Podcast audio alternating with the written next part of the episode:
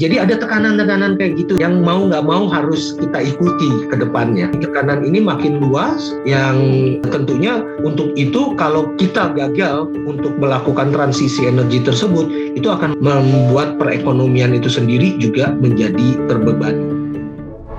Media Keuangan Podcast. Komitmen kuat pemerintah Indonesia dalam menangani perubahan iklim terlihat dalam peluncuran mekanisme transisi energi atau Energy Transition Mechanism atau ITM Country Platform pada side events pertemuan FMCBG G20 ketiga di Bali beberapa waktu lalu.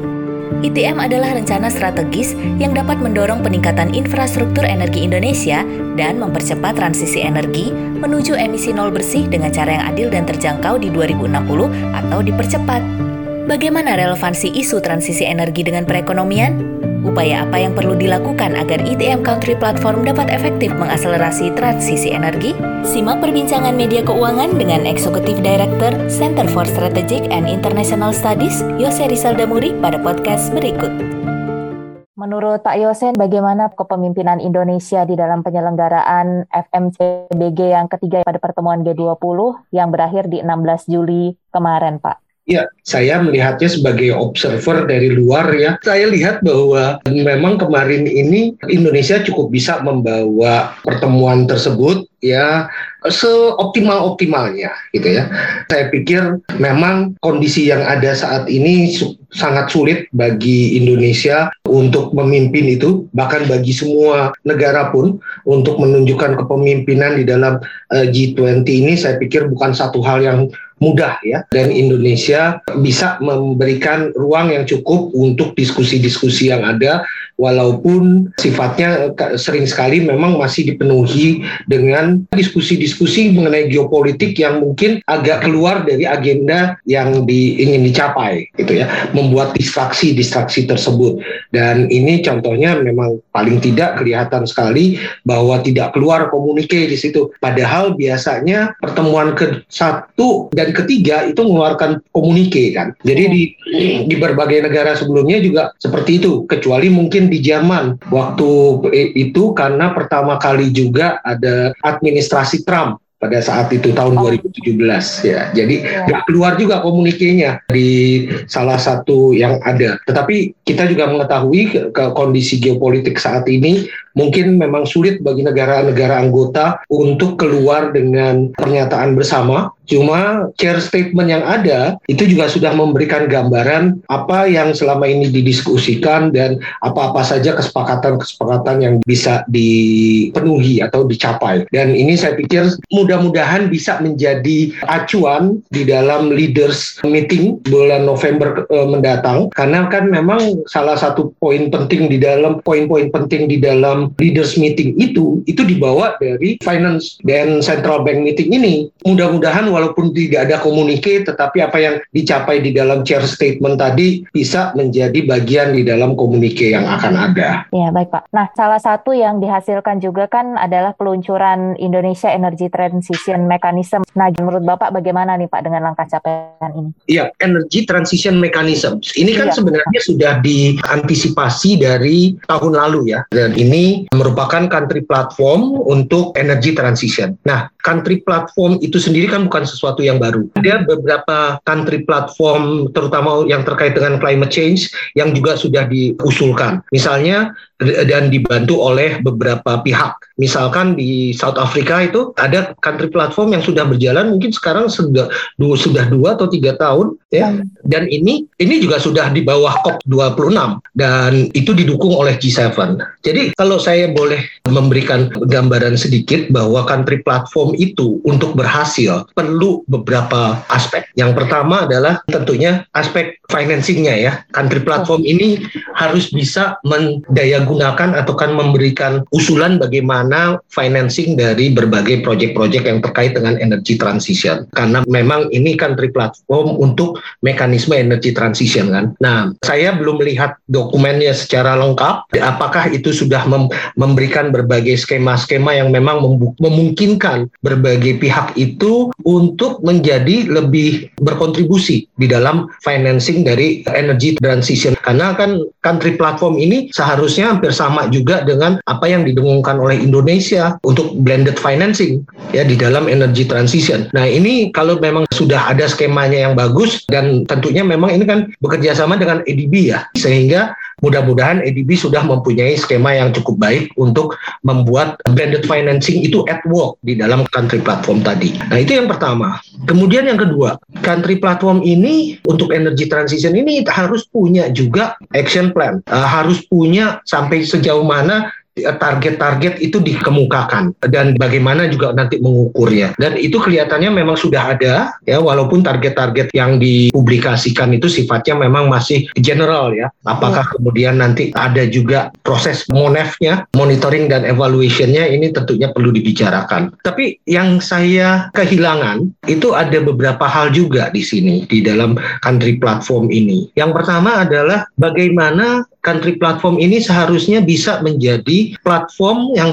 sama untuk berbagai stakeholder yang memang mempunyai aspirasi serta perspektif serta juga interest yang berbeda gitu ya supaya bisa bertemu dan kemudian menjadi mempunyai political will yang sama atau political will yang menuju kepada direction yang sama. Nah ini kelihatannya saya belum terlalu melihat di sini. Saya nggak tahu apakah ini memang didesain untuk mekanisme pada tingkatan teknis saja atau tidak. Karena kalau untuk tingkatan teknisnya saja mungkin bisa bekerja, tetapi tetap yang namanya energy transition itu butuh energi yang banyak. Energinya adalah energi politik gitu loh.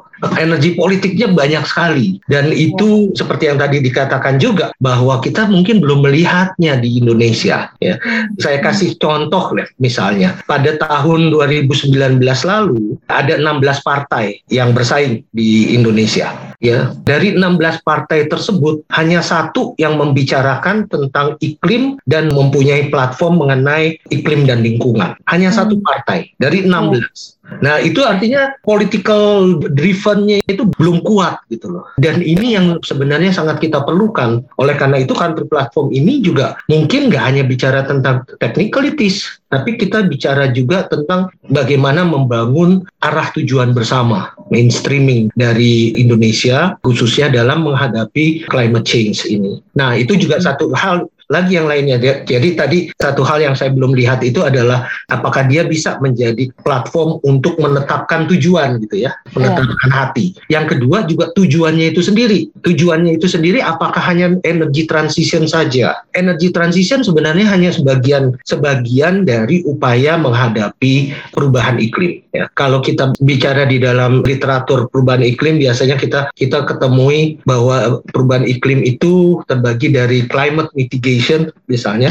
Iya. Dan paling tidak satu lagi adalah climate adaptation. adaptation. Bagaimana kita beradaptasi terhadap perubahan ini. Nah, kalau kita hanya bicara tentang energy transition, itu kemungkinan kelihatannya hanya di di bagian yang mitigasinya saja nih. Padahal yang mungkin yang paling besar buat Indonesia ataupun juga negara-negara berkembang terutama ya itu adalah adaptasinya bagaimana kita bisa beradaptasi di sana jadi tujuannya itu juga mungkin lebih bisa diperluas ya atau dikomplementarikan dengan country platform yang lain yang juga bersinggungan dengan ini. Itu catatan saya. Baik pak. Nah tadi kan di highlight political will ya pak ya. Terus kalau dari sisi perekonomiannya nih pak nih bapak melihatnya gimana pak? Karena kan di satu sisi pemerintah perlu memastikan perekonomian kita bisa terus tumbuh dan itu kan kita perlu banyak energi dan listrik gitu. Tapi yang saat yang sama juga ada misi yang ambisius juga nih dari ITM ini transisi energi. Gimana kita harus ngurangin emisi. Nah, ini gimana Bapak melihatnya ke depan?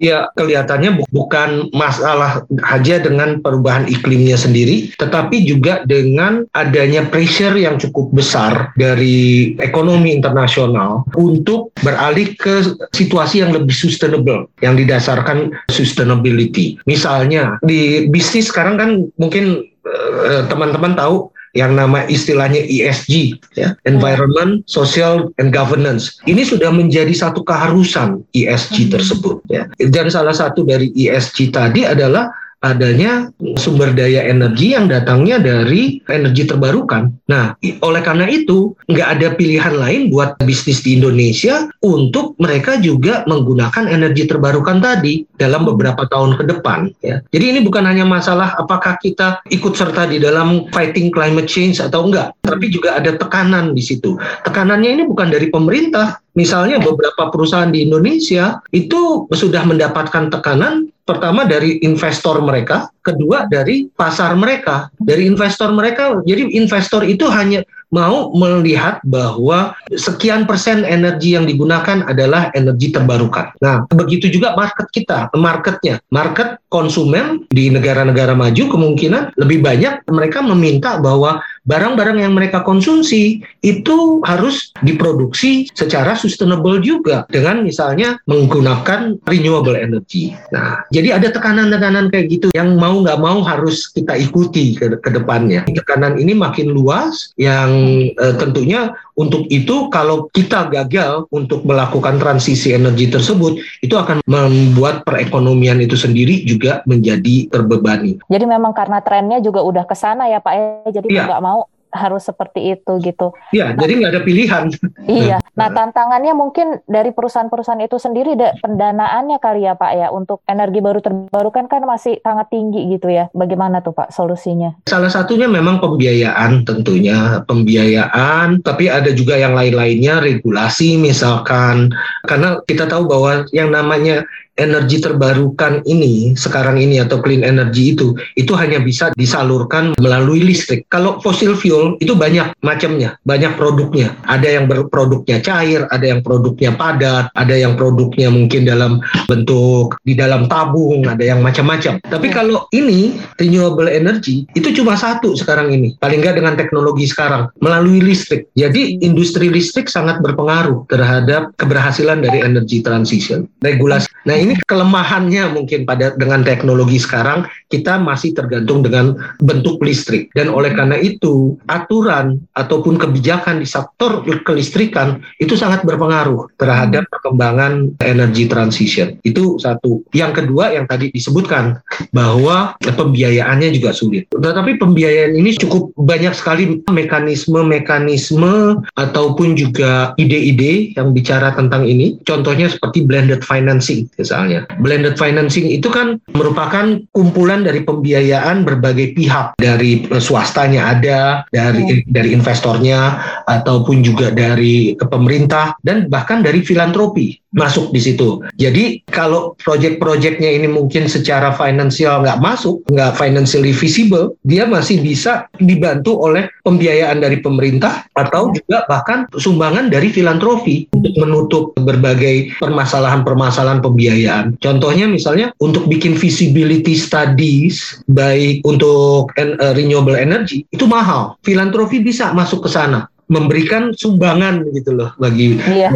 semacam sumbangan untuk membuat studi awal yang menunjukkan bahwa ini ternyata menguntungkan untuk dilanjutkan. Nah itu eh, hal-hal seperti itu blended financing itu saya pikir sesuatu hal yang sangat perlu Indonesia jajaki dan Indonesia sebenarnya beberapa tahun belakangan udah cukup mendorong ke arah sana. Lalu Pak, apa nih Pak harapan Bapak terhadap ETM Country Platform ini Pak? Dan apa sih yang bisa dilakukan oleh masyarakat kita gitu Pak untuk mendukung keberhasilan dari transisi energi ini? Nah itu tadi saya katakan bahwa kalau memang ini merupakan country platform, ini seharusnya bisa juga menjadi satu platform yang menyatukan baik itu berbagai aspirasi, perspektif, ataupun juga kepentingan dari berbagai stakeholder yang terlibat. Jadi country platform ini harus terbuka sifatnya, harus bisa menjadi tempat menyatukan itu semua gitu ya. Dan ini harus dipegang oleh satu institusi mungkin juga supaya bisa menjadi lebih efektif tentunya. Ya, yang kita harapkan kan ini tentunya efektif untuk bukan hanya menyediakan financing dari proyek-proyek energi transisi, tetapi juga memberikan semacam dorongan atau support untuk climate change secara lebih luas climate policy secara lebih luas. Mungkin satu hal lagi Pak, yang dari sisi transisi energi ini kan pemerintah juga udah melakukan menginisiasi early retirement ya. dari pembangkit listrik tenaga batu bara ya Pak ya. ya. Nah untuk negara berkembang seperti kita ini seberapa cepat sih Pak kesiapan kita gitu untuk beralih gitu brown energi ke ekonomi hijau ini? Oke, okay. ya itu memang seberapa siapnya ini seperti yang tadi saya katakan mungkin kalau dibilang siap masih belum siap ya karena memang kan butuh biaya yang besar sekali untuk transisi tersebut untuk menutup biaya batu bara misalnya pembangkit listrik batu bara itu perlu bukan hanya menutupnya saja dan mengganti dengan yang baru tetapi juga harus memberikan kompensasi pembangkit listrik tadi mungkin perlu dikompensasi belum lagi kita bicara tentang